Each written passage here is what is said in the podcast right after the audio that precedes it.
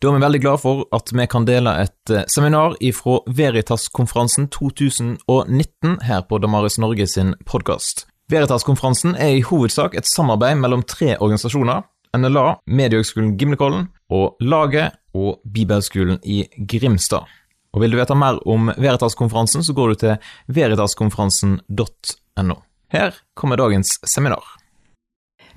Ja, jeg har vært det er første gang jeg er på Veritas-konferanse, og jeg er blitt veldig Jeg kom på morgenen i dag. Jeg bor jo i Kristiansand fordi jeg er lærer Eller ja, jeg er lærer på Ansgarskolen enda. Der har jeg vært i mange år. Eh, men nå er jeg 70 år, sånn at eh, nå jobber jeg bare litt. Men jeg kan si at jeg jobber på Ansgarskolen enda, men jeg har vært der i over 30 år. Og jeg eh, har undervist i veldig mange emner og fag, men jeg har en gang vært jeg, jeg, kalte meg ikke misjonær sjøl, men jeg var lærer for misjonærbarn. Og det var jeg for eh, barn som bodde på misjonærbarnskole i Kongo-Brazzaville i Afrika.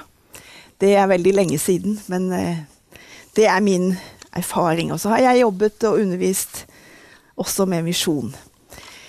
Ja, jeg tror det er nok av meg, jeg. Eh, og så må jeg si at det er ikke jeg som har funnet på denne her vanskelige eh, imperialismegreiene. Jeg har bare fått beskjed om at det skal jeg snakke om. Så derfor eh, kan vi jo ta det på en litt sånn eh, folkelig måte først. Og den har jeg funnet fra et leserinnlegg i VG. Misjonærer er noe av det mest forkastelige som fins.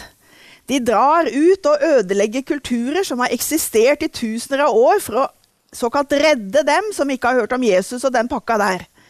Misjonærer prakker på andre religionen sin uten å tenke på hvilke konsekvenser dette vil få. Bare se hvordan det har gått med mange stammer som har blitt omvendt for å deretter å fjerne seg fra sin urgamle og naturvennlige levemåte. Det var et leserinnlegg i VG for ikke så veldig lenge siden.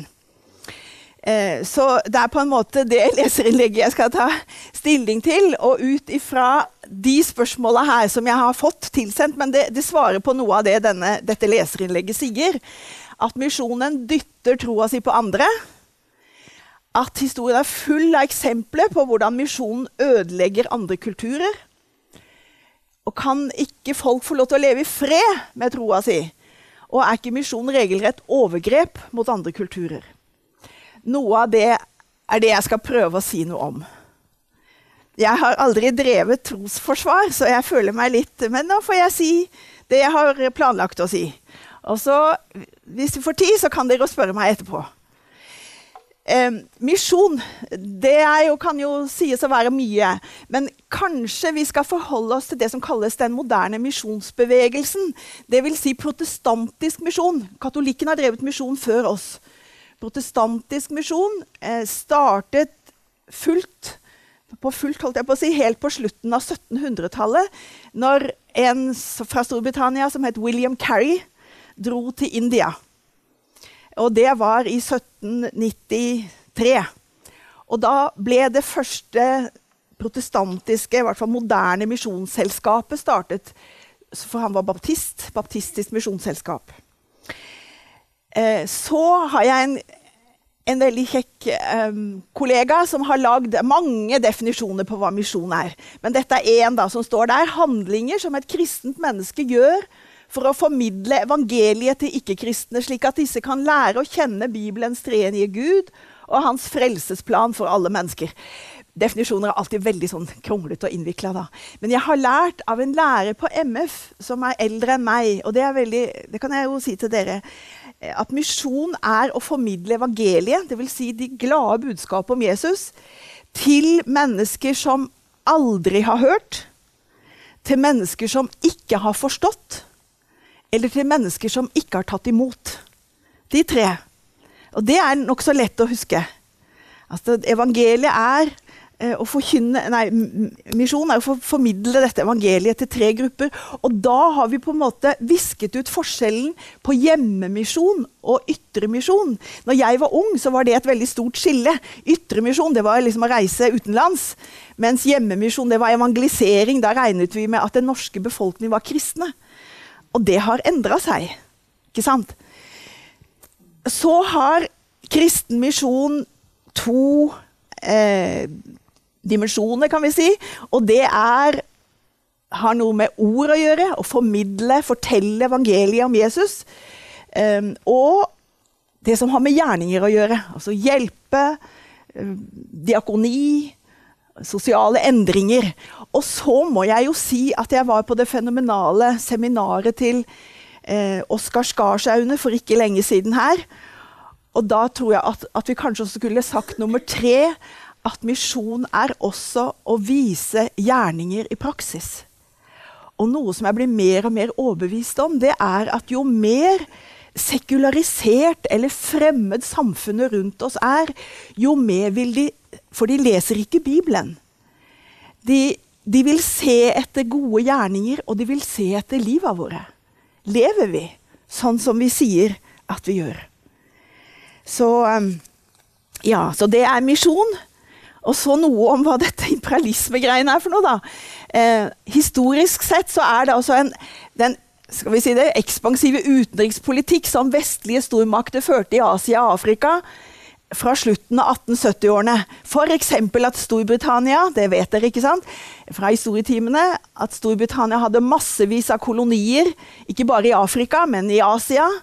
Eh, Frankrike hadde det, Tyskland etter hvert hadde det. De flest, mange europeiske land.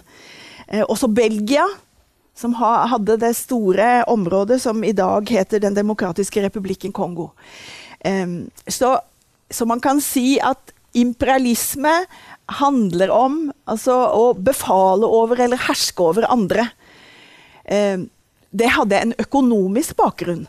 Altså, det var veldig flott for europeiske land å dra til Afrika f.eks. For, eksempel, for dette var i den tida da, da, den industrielle revolusjonen dere vet hva det er, ikke sant? utvikla seg i Europa. Vi hadde veldig masse behov for råstoffer, og det fantes i Afrika f.eks. Sånn at i Kongo-Brazzaville Brazzaville har fått navn etter en fransk oppdagelsesreisende. Tenk på det, av det som hovedstadsnavn. Um, I Kongo-Brazzaville fins det ett jernbanespor og hvor går det hen? Jo, det går fra hovedstaden Brazzaville og til kysten. Hvorfor det? Jo, fordi at franskmennene, for det var en fransk koloni, de ville importere eller selge eller De, de f.eks. hadde masse veldig viktig trevirke i Kongo. De hogg ned masse svære trær, sendte de på toget til kysten og eller sendte det til Europa. Så det er imperialisme. Altså det å ta og beherske og ta økonomisk også, utnytte andre landområder. Og det har Europa gjort i stort monn. Um, men det var ikke bare økonomisk eh, motivert. Også ideologisk eller tankemessig. Um, og det ble kalt for 'the white man's burden'. At man tenkte, man var overbevist om, og det var alle europeere, at vi hadde en kultur som var bedre enn det afrikanere hadde, eller asiater. Og derfor hadde den hvite mann eh, et ansvar for å bringe denne kulturen videre. Eh, slik at eh, de skulle sivilisere og kristne nasjonene og hjelpe de som var tilbakeliggende og hedenske, kalte vi dem også. ikke sant? De hadde en annen religion. Hedenske folkeslag. Og dette høydepunktet på, på, dette var, i hvert fall når det gjaldt Storbritannia, kanskje under dronning Victoria. Det har gått forskjellige filmer om henne. Eh, dette tok slutt, kan vi si, i 1914. Da begynte første verdenskrig. Og da var det mange mennesker fra Afrika eller andre deler av verden som, hatt, som var kolonier, som kjempet på europeernes side. Og europeerne hadde altså sagt at vi har verdens beste kultur. Og så startet de denne krigen som var mer djevelsk enn noen gang i hele historien. Da fikk de sett, og Europa fikk også sett, at vi er faktisk ikke så storslagne som vi kanskje har trodd. Dette er et uh, bilde som viser dette. Den hvite mann som har tatt hele Afrika. Dere vet at alle land i Afrika, med unntak av Etiopia, eh, noen vil så si kanskje Liberia, har vært kolonier. Det er til skam for oss europeere, men slik er det. Det er noe av vår historie. Og noe av det som kjennetegnet dette, var tre c-er på engelsk. Altså hva skulle vi i Afrika å gjøre? Jo, vi skulle Christianization. Vi skulle gjerne bringe kristen tro til mennesker. Civilization. Vi skulle sivilisere dem, vi skulle bære med oss noe av den kulturen vi hadde, og bringe det videre til mennesker i andre deler av verden. Og commerce, handel.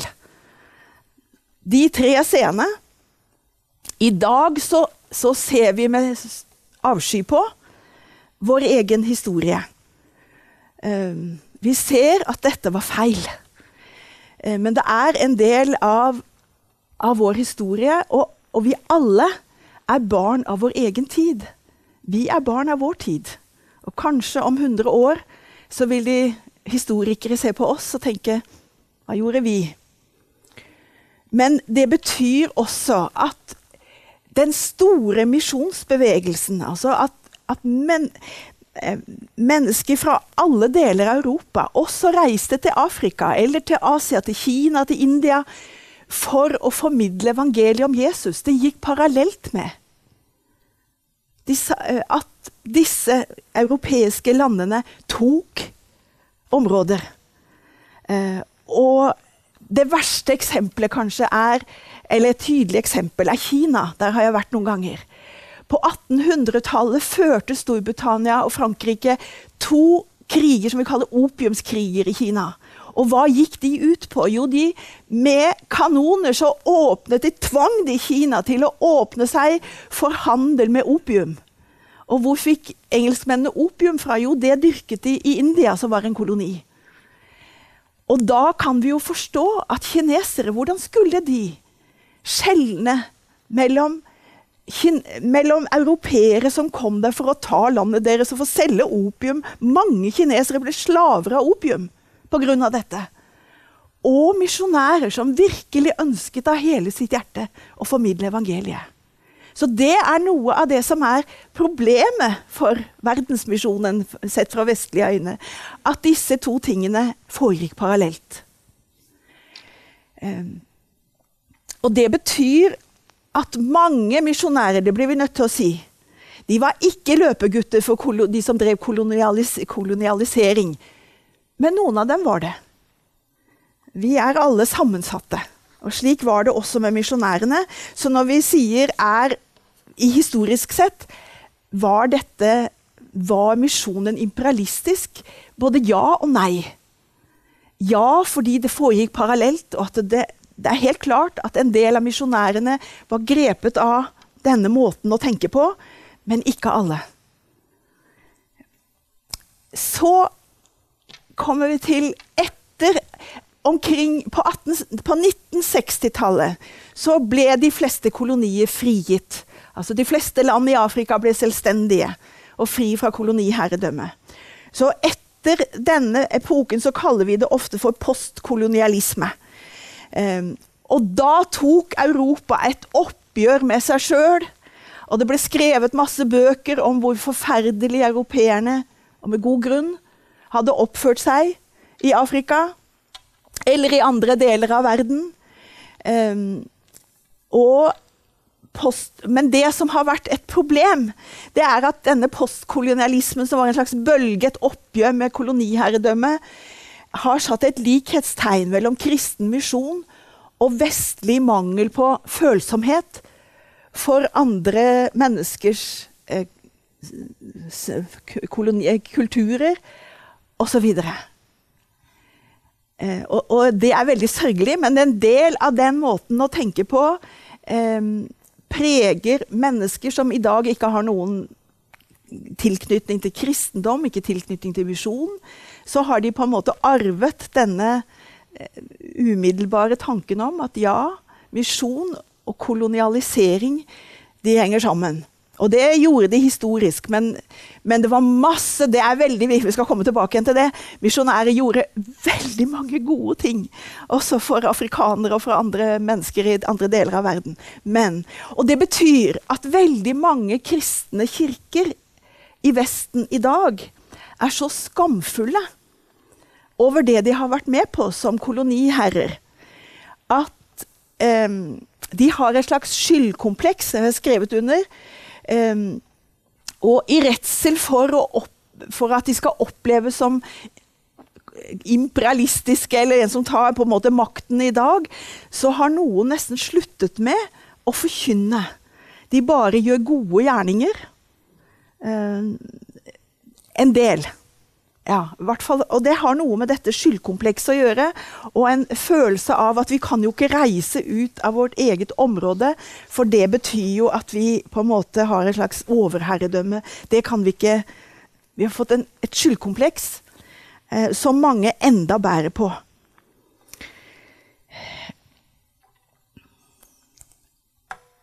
Og så, så ja. Altså hvis vi spør er dette imperialisme, ja, det har vært. Det har vært et sammensatt bilde historisk sett av dette. Men så skal alle mennesker pådyttes evangeliet? Er det ikke sånn at om mennesker lever godt med sin egen religion, skal vi ikke la de få bli rolige i den religionen og ikke komme der og, og komme der, holdt jeg på å si. Um, vi som tror på evangeliet, um, vi er overbevist om, ut ifra f.eks. misjonsbefalingen i Matteus 28, som mange av dere kan, meg er gitt all makt i himmel og på jord. Gå derfor ut og gjør alle folkeslag, alle folkeslag til mine disipler. Det dere døper dem til Faderens, Sønnens og Den hellige ånds navn, og lærer dem å holde alt det jeg har befalt dere. Um, evangeliet, de gode nyhetene om at det fins en vei til Gud som er åpen for alle den er for alle mennesker. Og ved oss, som det står i Paulus kan si, om jeg ikke er med å formidle det. Ehm, det var derfor mennesker dro til Veldig mange av misjonærene fra Norge for eksempel, dro til Afrika. De dro til Madagaskar. Hundrevis dro til Madagaskar. De jo, fikk ingen koloni i Madagaskar, men de kunne være med å formidle disse gode nyhetene. Som er for alle mennesker. Ehm, derfor ehm, Alle folkegrupper har krav på ehm, å høre de gode nyhetene. Og Derfor er det forskrekkelig, så lenge vi vet at det finnes folkegrupper i verden som ikke har hørt evangeliet, så hviler det som et tung byrde, egentlig. Hvis det er noen som ikke har tatt imot aldri har hørt, aldri har forstått, eller aldri tatt imot, så er det en del av det som ligger på oss som troende.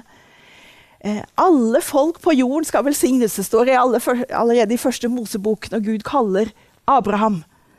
I deg skal alle folk på jorden velsignes. Så Det står helt i begynnelsen i første Mosebok. Og i åpenbaringsboken, den siste boken, så står det at der er det representanter fra alle nasjoner, folk og stammer. De synger lammets sang. Det blir, å, jeg gleder meg til den dagen. Det blir fantastisk. Derfor vi er overbevist som troende mennesker om at evangeliet er for alle mennesker. Uh, og at alle mennesker må selv ta stilling til, til, om de vil ta imot det eller ikke. Og det betyr at alle må ha hørt det. Hvis ikke får de ikke mulighet til å ta stilling til det. Og derfor tenker jeg Har jeg skjønt hvor grensesprengende stort evangeliet er. Slik at jeg tenker alle må få høre det.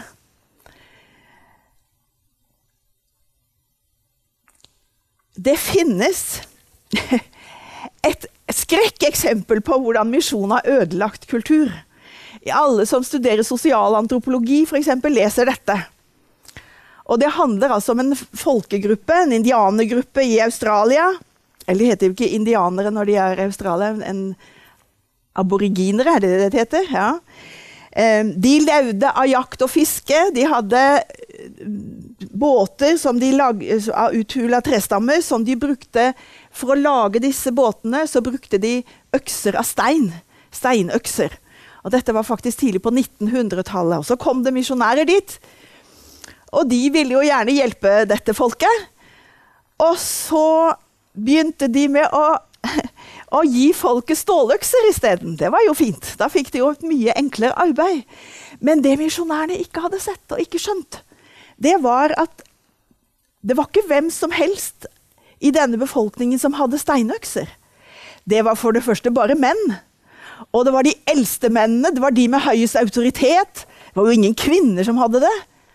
Og plutselig så ga misjonærene kvinner, og til, kanskje til og med barn, sånne ståløkser. Hva betydde det? Jo, det betydde at hele dette samfunnet kollapsa. på en måte. Ved å tilføre noe utenifra. Var det vondt ment? Nei, det var det jo ikke. Men det var av uvitenhet. Og slik har skjedd noen ganger. Um, alle mennesker, hvis vi kommer til et annet land, så påvirker vi. Påvirkning skjer til alle folk. Eh, og disse ble veldig påvirket, men de ble påvirket slik at hele samfunnet Så dette blir av sosialantropologer lest som bevis for hvor forferdelig misjonærer kan være til å ødelegge kulturer for folk. Eh, jeg skal forsøke å si at det er faktisk ikke hele bildet. Men det har nok vært slik at denne kolonitiden har skapt en frykt for å misjonere utenfor våre grenser. Det er en som heter Kjetil Aano. Han har vært generalsekretær i Misjonsselskapet. Eh, han sier det er ikke stedet vi formidler som gjør om, om evangeliet eller misjonering er feil. Enten jeg formidler evangeliet i Norge i Kongo eller i Katmandu. Det, men det er Dersom dette skjer frivillig altså, Mennesker får lov til å komme, de får lov til å gå. Det er ingen tvang. Men alle skal få mulighet til å høre. Det er det som er selve saken.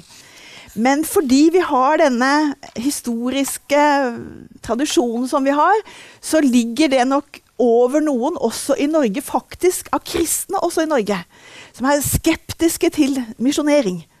Er ikke det det samme som på en måte å gjøre overgrep? Um, og da sier fortsatt Kjetil Aano enten vi formidler evangeliet i Norge eller utenfor Norge, dette, betyr dette at vi gir mennesker en mulighet til et valg. Å misjonere er å dele et budskap.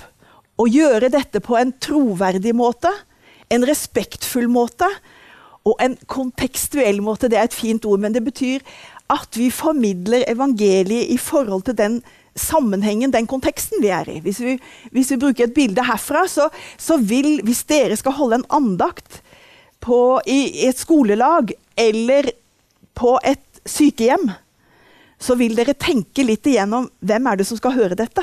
Sant? Og slik har misjonen lært seg veldig å tenke igjennom hvem er det som skal ta imot det budskapet vi formidler. Det viktigste i alle relasjoner er ikke å påvirke, for det gjør vi.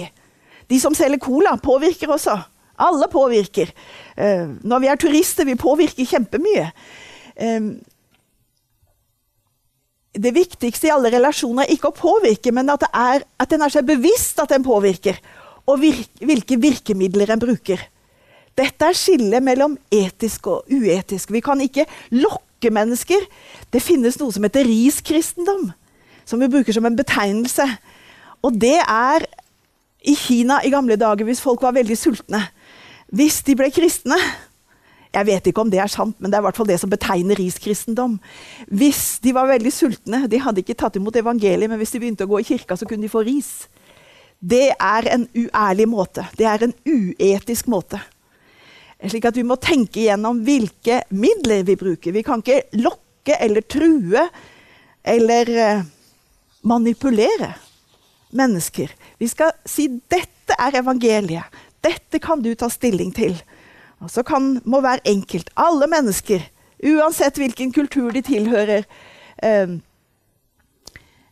eh, har samme rett til og samme mulighet til å kunne velge. Misjon er å gi mennesker, uansett hvem de er, denne retten til å velge. Og da må de få høre først, for at de skal kunne velge. Og Derfor sier Paulus 'ved meg om jeg ikke forkynner evangeliet'. For det er jo for alle mennesker. Alle må få mulighet til å høre. Og jeg leste Jeg vet ikke om dere leser misjonsbøker lenger, men jeg leste en misjonær fra Kina som skrev Han snakket med en gammel mann som, som tok imot evangeliet på sine siste dager han levde. Og så sa han, 'Hvorfor har dere ikke kommet før?' Fordi evangeliet setter mennesket fri, uansett hvilken kultur man tilhører.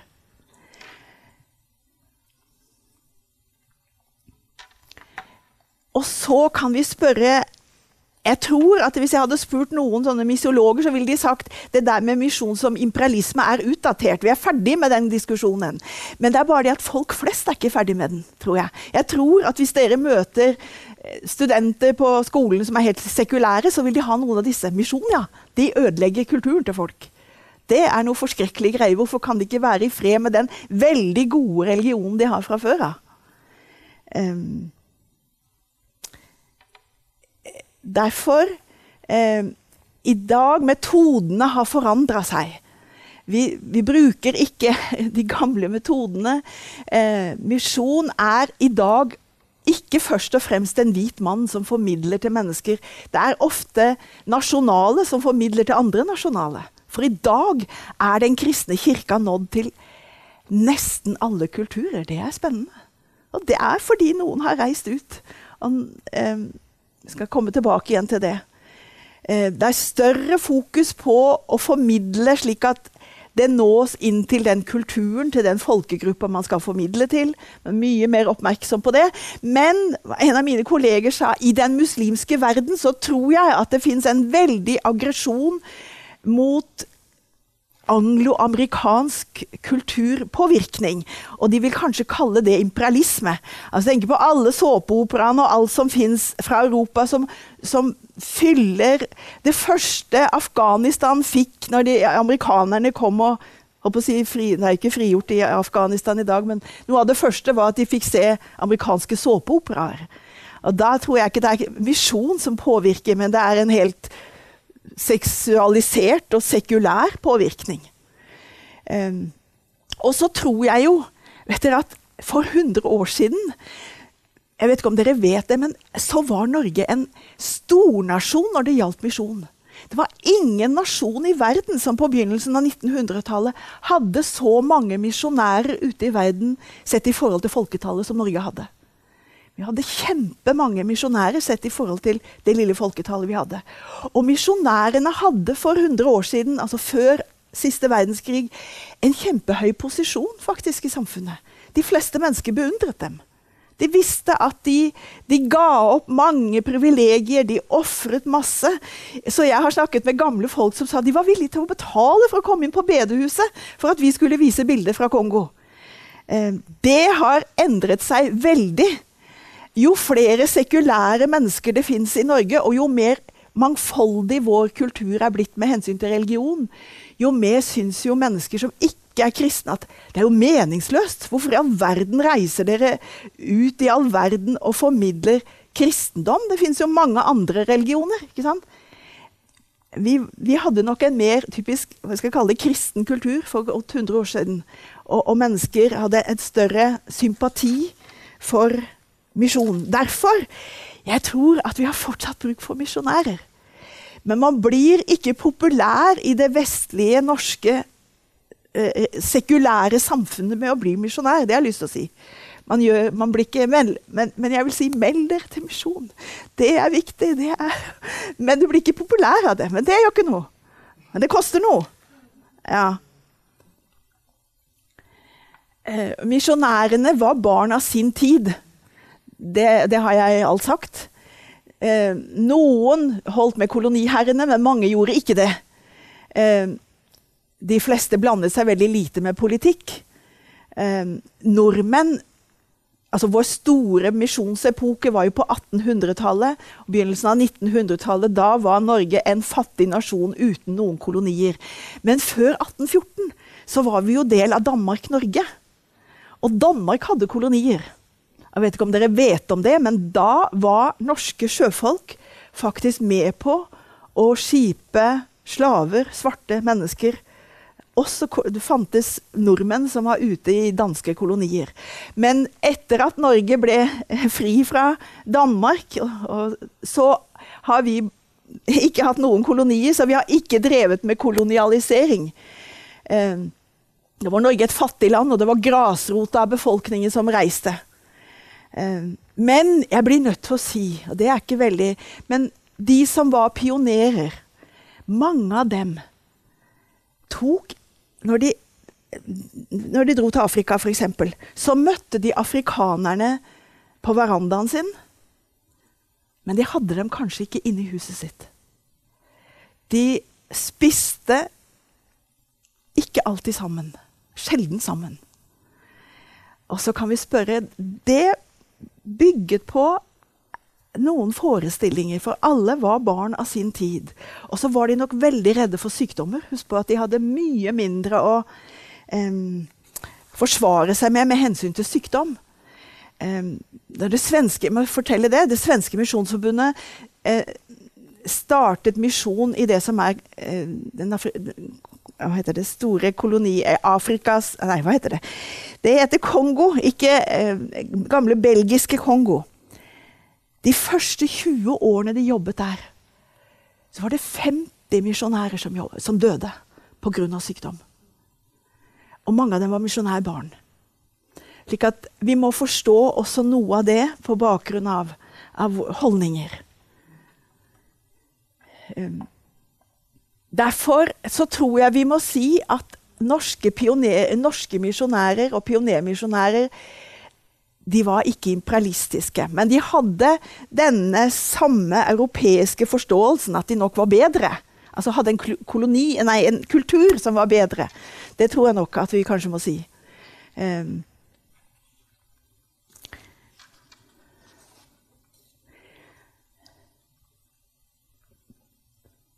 Og så skal jeg si noen ting som jeg syns er veldig kjekt. For i dag så er det mange som kan veldig tydelig motbevise at kristen misjon Nå har jeg sagt at ja, den har til tider vært med på å ødelegge kulturer. Men det er også mye som viser at de ikke har gjort det, men tvert imot. Og dette er en professor, en amerikansk professor, han er sosiolog. Og han har jobbet med Han jobber på dette universitetet. Jeg hørte han og møtte han i domkirka faktisk, i Kristiansand i 2014. Han har lagd en kjemperapport som også helt sekulære sosiologer i USA um, syns er positiv. Uh, og hvor han sier at protestantiske kirker, som hadde som mål å omvende vanlige mennesker til kristen tro, de bidro sterkt til framveksten og spredning av stabile demokratier i verden. Rundt omkring i store deler av verden. Og han, det er ingen som kan motsi han, fordi han har gjort et så veldig grundig arbeid. Eh, og det han sier, da, eh, Woodbury, det er at eh, betydningen av å lese Bibelen har alltid vært viktig for protestantisk misjon. Altså, tar du imot Jesus og tror på ham, så les om han sjøl. Og da var det veldig viktig at man drev med leseopplæring. At man begynte skoler. At man begynte med boktrykkervirksomhet, massemedier. Og til og med universiteter. Vet dere at Noen av de mest prestisjetunge universitetene i Beijing i Kina i dag er grunnlagt av misjonærer. Um,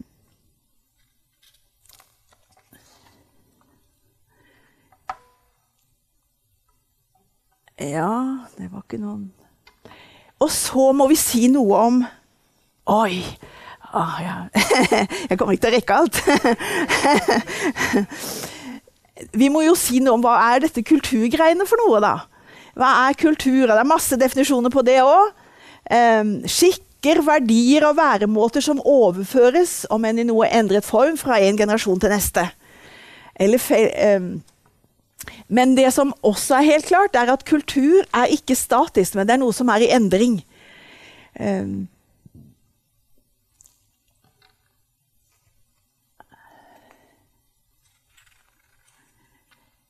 kultur Ja, har jeg, dere har sett det, ikke sant? Ja, det syns jeg er veldig spennende. For vi kan se på kultur som med to nivåer, på en måte. Og det ene øverste er en overflatekultur. Dere har vært sikkert eh, Ikke misjonære, men ja, kanskje dere har vært det også, men, men, dere har vært turister noen steder. Og da kan dere, hvis dere lander i et eller annet afrikansk land, så kan dere umiddelbart se at her er det andre byggeskikker, her er det andre måter å kle seg på, her er det andre måter å oppføre seg på. Det er overflatekulturen. Den ser vi veldig fort. Skikker og hvordan gutt og jente skal forholde seg osv. Hvordan man begraver sine døde, kanskje. Masse sånne som er på det overflateplan. Men så er det en, en dyp kultur. En dypere del som ikke syns så godt, men de to henger sammen. Og det er veldig interessant, men gjør at dette blir innvikla. Jeg hørte om en norsk kvinnelig misjonær i Etiopia hun jobbet i en landsby i Etiopia, og der så hun at kvinnene der, når de feide jordgulvet sitt, så hadde de noen koster som det ikke var skaft på, så de måtte gå veldig krumbøy når de, når de eh, sopte gulvet. Og hun var veldig praktisk anlagt, så hun lærte kvinnene med en gang å lage skaft på kostene. Og alle brukte jo det, for det var jo mye enklere. Men det gikk ikke mer enn en dag, så fikk denne norske dama en hel delegasjon eh, av menn på besøk som sa vi skal ha oss frabedt at du lærer våre kvinner å arbeide med rett rygg. For nettopp at kvinnene må bøye ryggen, sier noe om hennes stilling i forhold til oss. Så hun hadde altså endret på noe på overflatekulturen. Og ikke skjønt uten videre at det hadde befatning med en dypere lag. Som sier Så det dyp kulturelle delen har med det vi kaller det kognitive, hvordan vi tenker. Hvordan er verden skapt? Er det fullt av ånder omkring her, eller er alt bare ingen åndelighet i det hele tatt? Hvorfor blir mennesker sjuke? Er det pga. bakterier? Er det pga. noen har kasta vondt på deg? Det er mange ulike måter å tenke på.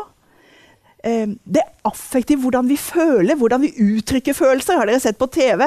Det er veldig stor forskjell på hvis et menneske dør i Midtøsten, så kaster de seg rundt og skriker høyt. Mens i Japan så står de omtrent som stokker. Har dere sett det? Vi har forskjellige måter å kommunisere følelser på, f.eks. Vi har forskjellige måter å tenke hva er vakkert, hva er stygt. Um, og aller mest kanskje hvilke verdier. Hva er rett, hva er galt? Hva er godt? Hva er ondt? Og, og vi kan Det som misjonen dessverre ofte har gjort til å begynne med Men hva skulle de gjøre? De hadde aldri lært. De kom fra Norge. Hadde aldri lært om andre kulturer. Um, så derfor har Den hellige ånd vært fantastisk. For det er så mange mennesker i Afrika som har tatt imot troen. Uh, um, på tross av at vi har gjort feil. Men vi har også vist godhet.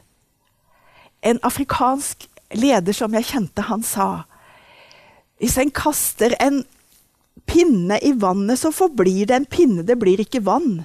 Og hvis en nordmann kommer til Kongo, så forblir han en nordmann.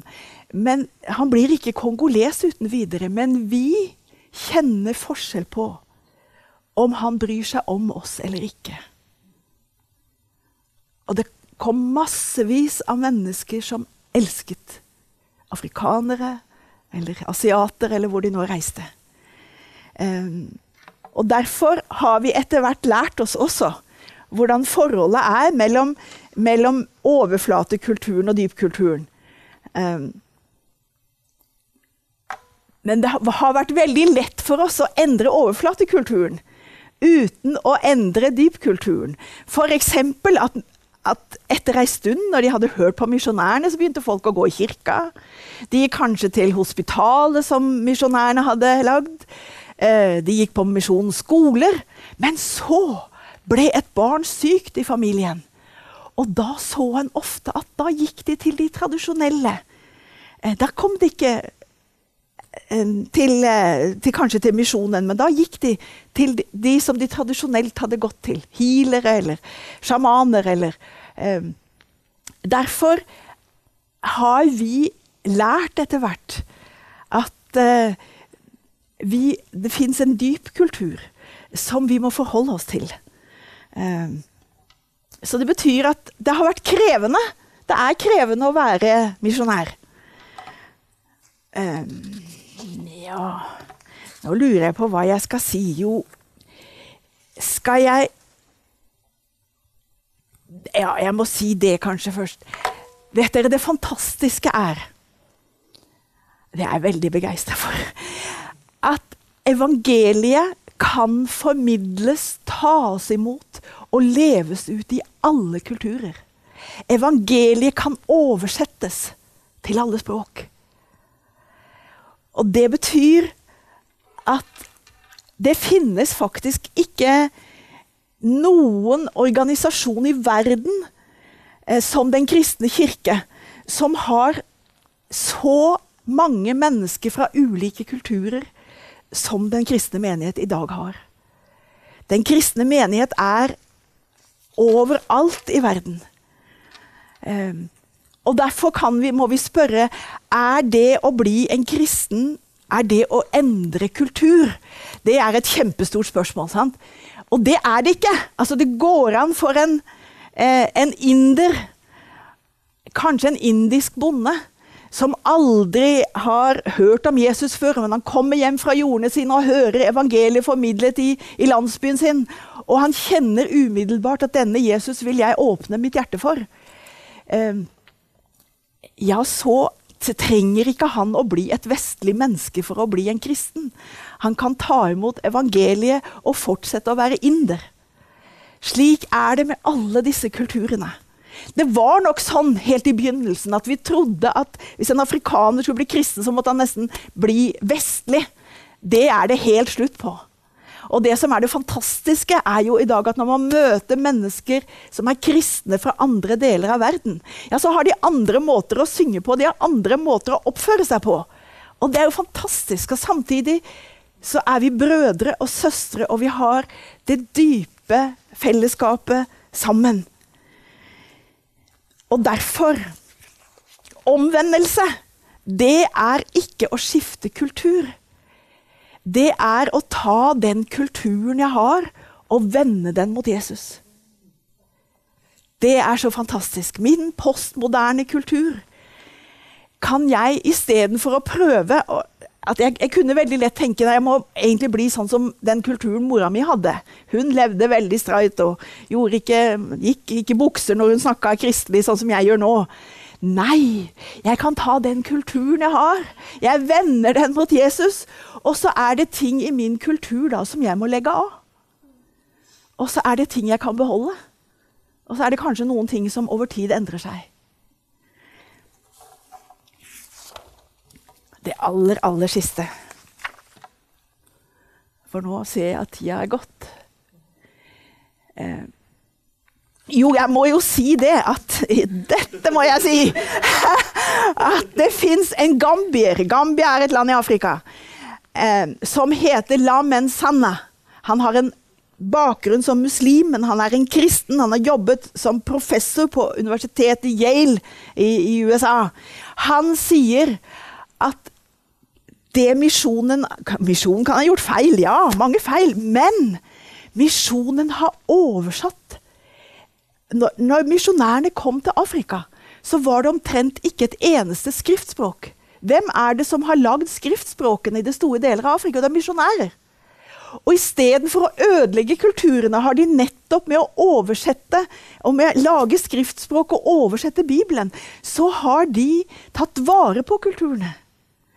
Og kulturer som følte seg mindreverdige, de opplever at de er jo noen ting. De kan gjennom sin kultur formidle eh, de hellige skriftene.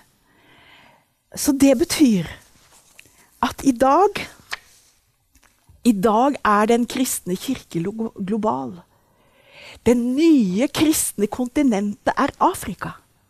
Det fins langt flere kristne i Afrika enn det fins i Europa. Og de største menighetene i Europa i dag er grunnlagt av afrikanere. Er ikke det fantastisk? Da kommer de tilbake, og de vil formidle med sin afrikanske kulturelle kontekst. Men de ser vår åndelige nød, og de kommer oss til hjelp. Takk for meg. Takk for at du lytter gjennom dette seminaret her. Og Skulle du ønske at flere fikk med seg det gode innholdet, ja, da kan du jo faktisk dele seminaret med noen, eller tipse dem om seminaret i sosiale medier. Vi setter jo veldig stor pris på om du har lyst til å skrive en anmeldelse av Damaris Norge sin podkast på de ulike podkastplattformene. Da hjelper det oss å løfte podkasten opp, sånn at flere får nytte av den. Jeg vil også nevne at eh, du kan ha mulighet for å kjøpe diverse bøker via nettsida snakkomtro.no, der flere av de som eh, var med på Veritas-konferansen, har sine bøker tilgjengelig der. Så sjekk ut Snakk om tro, og kjøp gjerne ei bok eller to.